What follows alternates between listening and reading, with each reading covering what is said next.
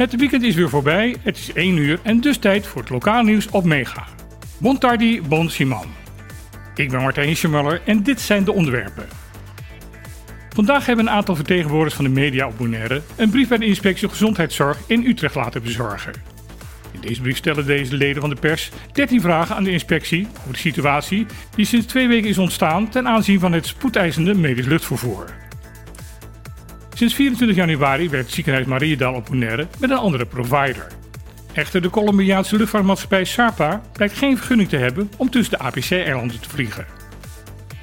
Omdat de pers op het eiland geen of onvolledige antwoorden van het ziekenhuis krijgt, hebben een aantal journalisten het hoger opgezocht en aan de inspectie gezondheidszorg gevraagd om meer duidelijkheid over de situatie te geven. Vandaar dient er bij de rechtbank ook een kort geding over deze kwestie.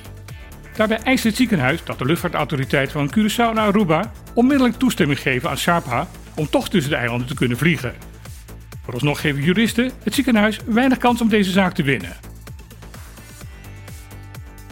Onder de kop overdrijven is ook een vak, reageert Unke Bonvoorman Wietse Koopman op het bericht dat de verhoging van het minimumloon op de Best-eilanden het Rijk jaarlijks 50 miljoen euro zal gaan kosten. Het bericht hierover op de website Dossier Koninkrijksrelatie is er wat vaag over. Maar volgens de voormalige belastingambtenaar Koopman worden deze extra rijkskosten veroorzaakt doordat de ambtenaren van hoog tot laag op de eilanden een loonsverhoging zouden moeten gaan krijgen, omdat het minimumloon in Caribisch Nederland naar een menswaardig niveau wordt getild.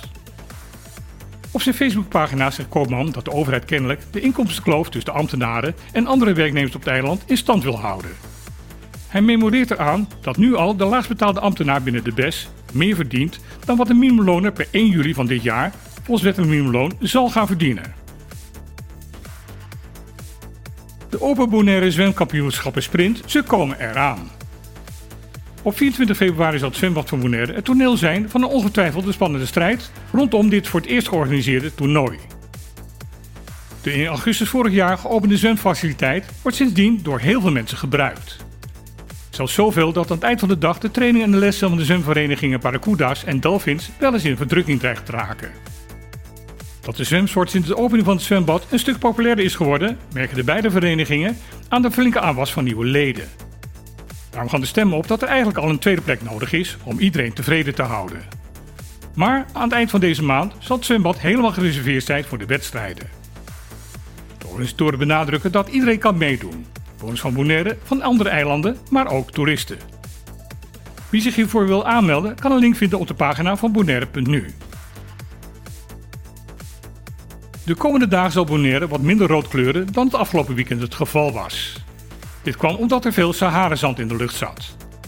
De neerslag daarvan veroorzaakt een rode waas over alles op het eiland. Dit is vooral goed te zien op de auto's. Het zand in de lucht zal de komende dagen verdwijnen. Maar wat we ervoor terugkrijgen is een omdraaiing van de wind. Normaal komt de dominante passaatwind vrijwel altijd vanuit het oosten. De belangrijkste reden waarom de zee aan de westkust van het eiland zo vriendelijk en rustig is. Bij een omdraaiing, meestal een windreversal genoemd, komt de wind plotseling vanuit het westen. Vaak levert dat spectaculaire beelden op van hoge golven over de boulevard. Maar het kan ook een gevaar zijn voor de aan de kust aangemeerde schepen. De verwachting is dat de reversal op woensdag voor weinig overlast zal gaan zorgen. Dit komt doordat de windsnelheid die dag waarschijnlijk niet meer dan 12 knopen zal zijn. Dit was weer het lokale nieuws van vandaag. Ik wens iedereen een dag toe zonder grote stormen en dan heel graag weer tot morgen.